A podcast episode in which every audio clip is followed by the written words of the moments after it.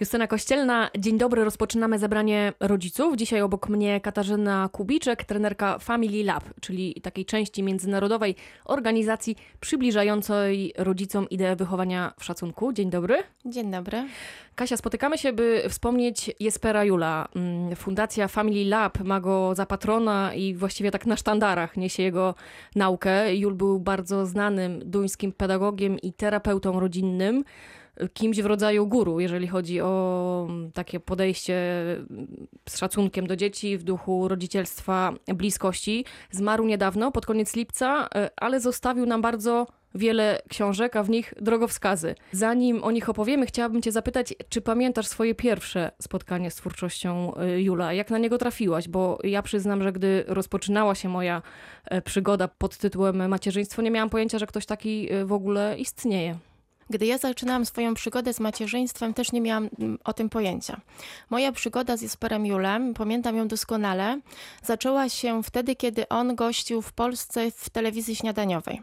Tam usłyszałam o tym, jak mówi o swojej książce Moje kompetentne dziecko. I powiem szczerze, że jak sięgnęłam po tą pozycję, to zanegowałam, często o tym mówię zresztą na seminariach, to zanegowałam wszystko, o czym tam przeczytałam. Wydawało mi się, że to jest niemożliwe, żeby na przykład dzieci nie posiadały obowiązków domowych, żeby dzieci, e, nie wiem, nie zmuszać, nie oceniać, nie mówić im w jaki sposób mają się zachowywać, co jest dobre, co jest złe. No ja szczerze powiedziawszy, po tej pierwszej pozycji czułam Skreśliłaś złość Jula. i niemalże chyba skreśliłam Jula, tak. Rzeczywiście, bo on, e, jeżeli zestawimy go z takim tradycyjnym modelem wychowania, który my znamy zapewne, y, no Jul się wydaje kompletnie wywrotowy i stąd pewnie często te pierwsze reakcje. Dokładnie tak. No i co, rzuciłaś tą książkę w kąt, ale I wróciłaś. właśnie tak, ale wróciłam. A co się stało pomiędzy jednym a drugim, nie mam zielonego pojęcia. Jednak dzisiaj z pełnym przekonaniem mówię o tym, e, że filozofia, wartości, do których zachęca nas Jul, są drogowskazami, które myślę sobie, pomagają nam w stawaniu się coraz lepszym rodzicem, ale takim rodzicem, który ma odwagę podążać y, za sobą, w zgodzie, żyć w zgodzie ze sobą, ma odwagę przyglądać się swoim własnym wartościom i je wnosić do swojej rodziny. Jul podpowiada nam, jak być lepszymi rodzicami, ale jednocześnie, i ja za to bardzo go kocham, mówi, że jesteśmy wystarczająco dobrymi rodzicami. I y, mówi też o tym, że każdemu zdarzają się potknięcia. To jest bardzo krzepiące, skoro mówi to y, facet, który no, jest olbrzymim autorytetem w dziedzinie pedagogiki. Mhm, dokładnie tak. Ja też bardzo właśnie cenię Jula za to, że on pozwala nam popełniać błędy i, za, i, i, że nas za te błędy nie ocenia rzeczywiście. Dodatkowo otwiera taką furtkę i mówi o tym, że bez względu na to, w jaki sposób zachowamy się przy dzieciakach i właśnie ze względu na to, ile tych błędów popełnimy, jakie te błędy popełnimy, to tak na dobrą sprawę za każdym razem możemy wrócić do relacji. I to jest piękne. W... Krzepiące, że nawet jak popełniliśmy mnóstwo błędów, e, mhm. to możemy je w jakiś sposób próbować naprawić na każdym niemalże etapie. Mhm, dokładnie. E, zadam teraz trudne pytanie. Jul zostawił po sobie mnóstwo e, książek. Od czego polecałabyś zacząć przygodę z Julem? To rzeczywiście jest najtrudniejsze pytanie, z którym spotykam się niemalże na co dzień w swojej pracy, ponieważ. Yy Każda pozycja teoretycznie opiera się na tych samych wartościach. Tych wartości jest cztery, więc y, teoretycznie można by powiedzieć, że y, każda z nich tak jakby mówi o tym samym. Jednak każda z tych pozycji do, dociera do jakiegoś takiego obszaru nas jako rodziców, że trudno mi powiedzieć, od której zacząć. Myślę, że trochę łatwiej byłoby mi odpowiedzieć na pytanie odwrotne, od której nie zaczynać. To od której nie zaczynać. Mimo, że najgłośniejszą książką i najbardziej znaną, myślę sobie, jest moje moje kompetentne dziecko, to w, moim, w mojej ocenie jest to pozycja jedna z najtrudniejszych. Mm, także może. Czyli dla koneserów już. Tak, może nie z miłości, czyli może od granic. My mamy bardzo duże problemy jako rodzice ze stawianiem, z mówieniem o swoich granicach, bo właśnie to jest kolejny taki e, fenomen Jula, że on mówił, że dzieciom nie trzeba stawiać granic, dzieciom trzeba komunikować swoje własne granice, więc może nie z miłości. Wspomniałaś o tym, że mm, jakby cała filozofia Jula opiera się na czterech filarach. Co to za filary? Trudno jest opowiedzieć w taki zwięzły sposób mhm. o wartościach Jula, ale tak na tyle, na ile potrafię to zrobić, to e, autentyczność jest taką wartością, za którą znowu ja bardzo cenię Jula, tak? Jak byłam mamą i jak zaczynałam swoją przygodę z macierzyństwem, to mi się wydawało, że ja muszę być jakaś, czyli sama w swojej głowie postawiłam sobie cel, że, do którego próbowałam dążyć. Ale jaka? Tak? Nie, tego nie wiedziałaś no, pewnie. Zdecydowanie to takie było podążanie w kierunku jakiegoś, nie wiem, takiego ideału, gdzieś tam starałam się próbować zwalczyć swoje takie cechy, nie wiem, jak na przykład krzyk, który gdzieś tam towarzyszy mi w relacji e, z dzieciakami, zawsze mi towarzyszył w życiu. Ja lubiłam siebie za to. A jak zostałam mamą, to wydawało mi się, że muszę zrobić wszystko, żeby to zmienić i żeby tego nie było, tak? Także e, autentyczność, którą, e, o której pisze Jul, e, jest taką wartością dla mnie priorytetową. Drugą wartością jest integralność. Integralność, ona bardzo e, wiąże się z równą godnością, tak? Żeby traktować dzieci mm, podmiotowo, że dzieci nie są jakimiś przedmiotami, które my możemy, mm, albo nie są jakimiś plastycznymi modelami, które my możemy, nie wiem, z których my możemy wykształcić sobie jakiś mm, obrazek czy jakiś przedmiot kształt, który nam by odpowiadał, tylko że są e, w pełni, mm, zasługują na naszą właśnie, na nasz szacunek, że mm, dzieci chcą być widziane i do tego właśnie zachęca integralność, równogodność. I mamy jeszcze odpowiedzialność i ta odpowiedzialność bardzo e, łączy się właśnie z tym, o czym wspomniałyśmy, e, z popełnianiem błędów, tak? Że mamy prawo jako rodzice popełniać błędy, ale bierzmy za nie odpowiedzialność, tak? Czyli jak na przykład, nie wiem, nakrzyczę na dziecko albo zachowam się w sposób, sposób, którego nie wybrałabym w świadomy sposób, no to to jest w porządku i to jest ok. Zdarza się. Zdarza się, nie biczujmy się za to, ale jak wracamy później do relacji z dzieckiem, po prostu przeprośmy. Nie mówmy, że gdyby to dziecko nie zachowywało się w taki sposób, no to my nie musielibyśmy tak reagować. Czy nie przenośmy winy na dziecko, Dokładnie. tylko weźmy tak. ją na klatę, tak. jak to się mówi. I jak weźmiemy odpowiedzialność, jak bierzemy odpowiedzialność za swoje zachowanie, to dzieciaki są w stanie naprawdę bardzo dużo nam wybaczyć. I, I, tak jak powiedziałam, do każdej relacji wtedy można wrócić. Wspominałyśmy o tym, że wiele z takich porad Jula wydaje się wywrotowych w tradycyjnym modelu wychowania. Które najbardziej? Ja tutaj jeszcze troszeczkę inaczej to widzę. Z racji tego, że jeśli Jula czytamy rzeczywiście z pozycji rodzica, który chce coś wnieść w życie swojego dziecka, tego urodzonego dziecka, to to rzeczywiście może okazywać się wywrotowe. Natomiast mam takie doświadczenie, mi jest to bardzo bliskie. Jak czytam Jula, to ja, ja go nie czytam jako matka. On do mnie trafia jako do dziecka, którym byłam. I wtedy to przestaje być wywrotowe, tak? To jest to, Czyli to jest wyobrażasz taki... sobie, że chciałabyś być traktowana w sposób, który opisuje Jul? Nawet nie wyobrażam sobie. Ja y, i takie, też mam takie sygnały od innych y, rodziców, że y, im taka, taka żaróweczka w głowie się pojawia. No rzeczywiście, to tak jest. To, to, co on pisze, to rzeczywiście tak wygląda. Czyli on tak jakby umiał ubrać w słowa, to, czego my doświadczaliśmy jako dzieci, ale z racji tego, że wychowani byliśmy w, w, autorytarny sposób, czyli do posłuszeństwa, nawet nie mieliśmy śmiałości, żeby nazwać Zawalczyć. to, co się mhm. gdzieś tam w nas pojawia, tak?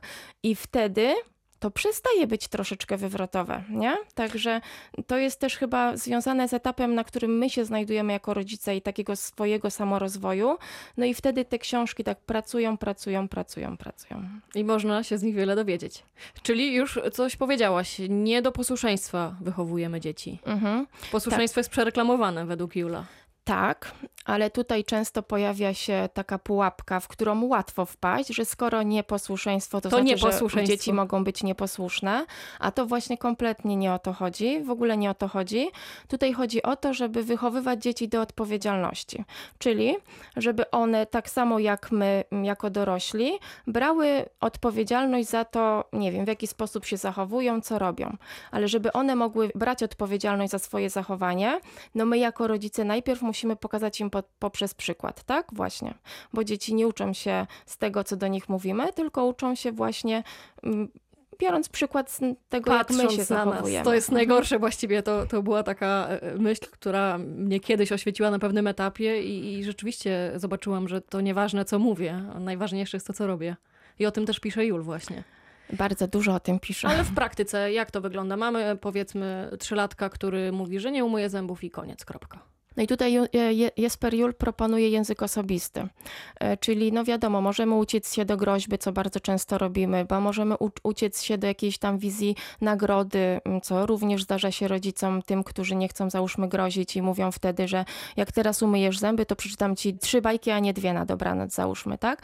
Jesper Jul proponuje coś e, według mnie dużo prostszego, żeby powiedzieć dziecku, czego od niego oczekujemy, tak? Czyli chcę, żebyś umył zęby.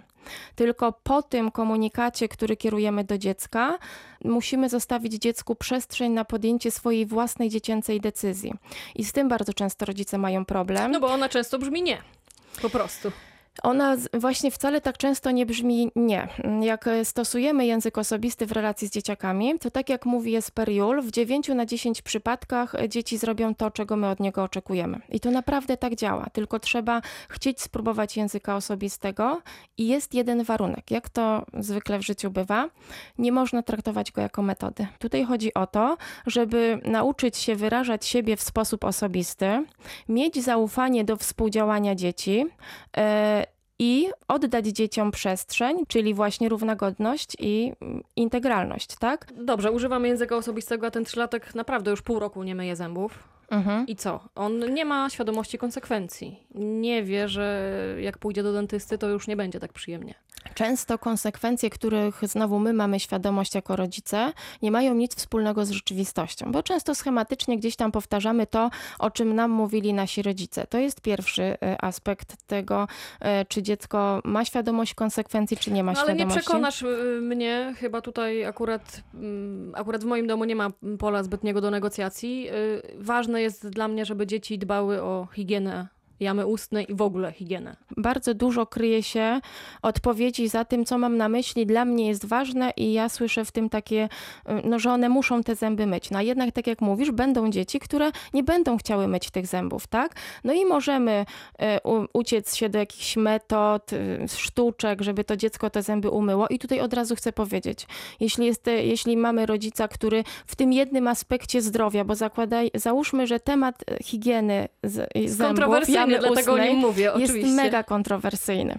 Więc ja tutaj od razu zaznaczę taka, wiecie, jakbyście tekst czytali, to taka gwiazdeczka na dole, że jeśli stosujesz jakąś metodę wytrych, bo żeby dziecko te zęby umyło, bo dla ciebie to jest sprawa życia bądź śmierci, to na pewno dzieciom nie dzieje się w związku z tym krzywda, tak? Takim głównym pytaniem jest to, czy, czy my jako rodzic robimy to w szeregu innych sytuacji dnia codziennego. Jeśli to jest jedna sytuacja, to naprawdę... Nic no, się strasznego nic nie strasznego dzieje, nie, nie dzieje, tak? dziecka psychicznie. Tak. Mhm. A jeśli jesteśmy rodzicem, który no mimo, że dla niego te mycie zębów jest ważne, a to dziecko tych zębów nie myje, ale nie chcemy stosować żadnej sztuczki i żadnej metody, no i mówimy osobiście, to dziecko tego nie robi, no to to trochę zmusza nas do tego, żeby zatrzymać się, przy, żeby wrócić do siebie i zatrzymać się przy sobie. Dlaczego to jest dla mnie takie ważne, żeby on te zęby umył, tak? A może zastanowić się, jaką swoją potrzebę e, dziecko zaspokaja w ten sposób, tak? To jest, może być potrzeba samodecydowania tak? Tak silna u niektórych dzieci, że nie są w stanie one poddać swojej integralności tylko dlatego, żeby rodzico, rodzic, nie wiem, miał jakiś tam spokój związany z tym, że ono ma czyste zęby, W tak? takim wypadku pewnie odpuszczenie właśnie by zadziałało. Wtedy chyba tylko odpuszczenie właśnie by zadziałało. Musimy już powoli kończyć. Ja bym jeszcze chciała wspomnieć o jednej y, bardzo ważnej rzeczy, która mnie u Jula zachwyciła i, i dała wiele do myślenia. Jul przez całe życie mówił, że dzieci są bardzo kompetentne kompetentne. Zresztą taki jest też tytuł jednej z jego najbardziej znanych książek. Twoje kompetentne dziecko. Jul y, mówił, że nawet niemowlę jest w stanie skutecznie upomnieć się o swoje potrzeby. Wystarczy je uważnie obserwować. Oczywiście, że tak jest. I mm, jak e, tak na dobrą sprawę się nad tym zastanowimy, to my w stosunku do niemowląt, o których wspomniałaś, mamy zdecydowanie mniejszy problem, żeby zobaczyć ich kompetencje takiego dziecka, no bo wiemy, że jak ono płacze, to czegoś się domaga, jak się płacze e, jeszcze głośniej, albo jak to, jak nasze działanie nie przynosi skutku, to znaczy, że trzeba poszukiwać w innym e, obszarze. obszarze.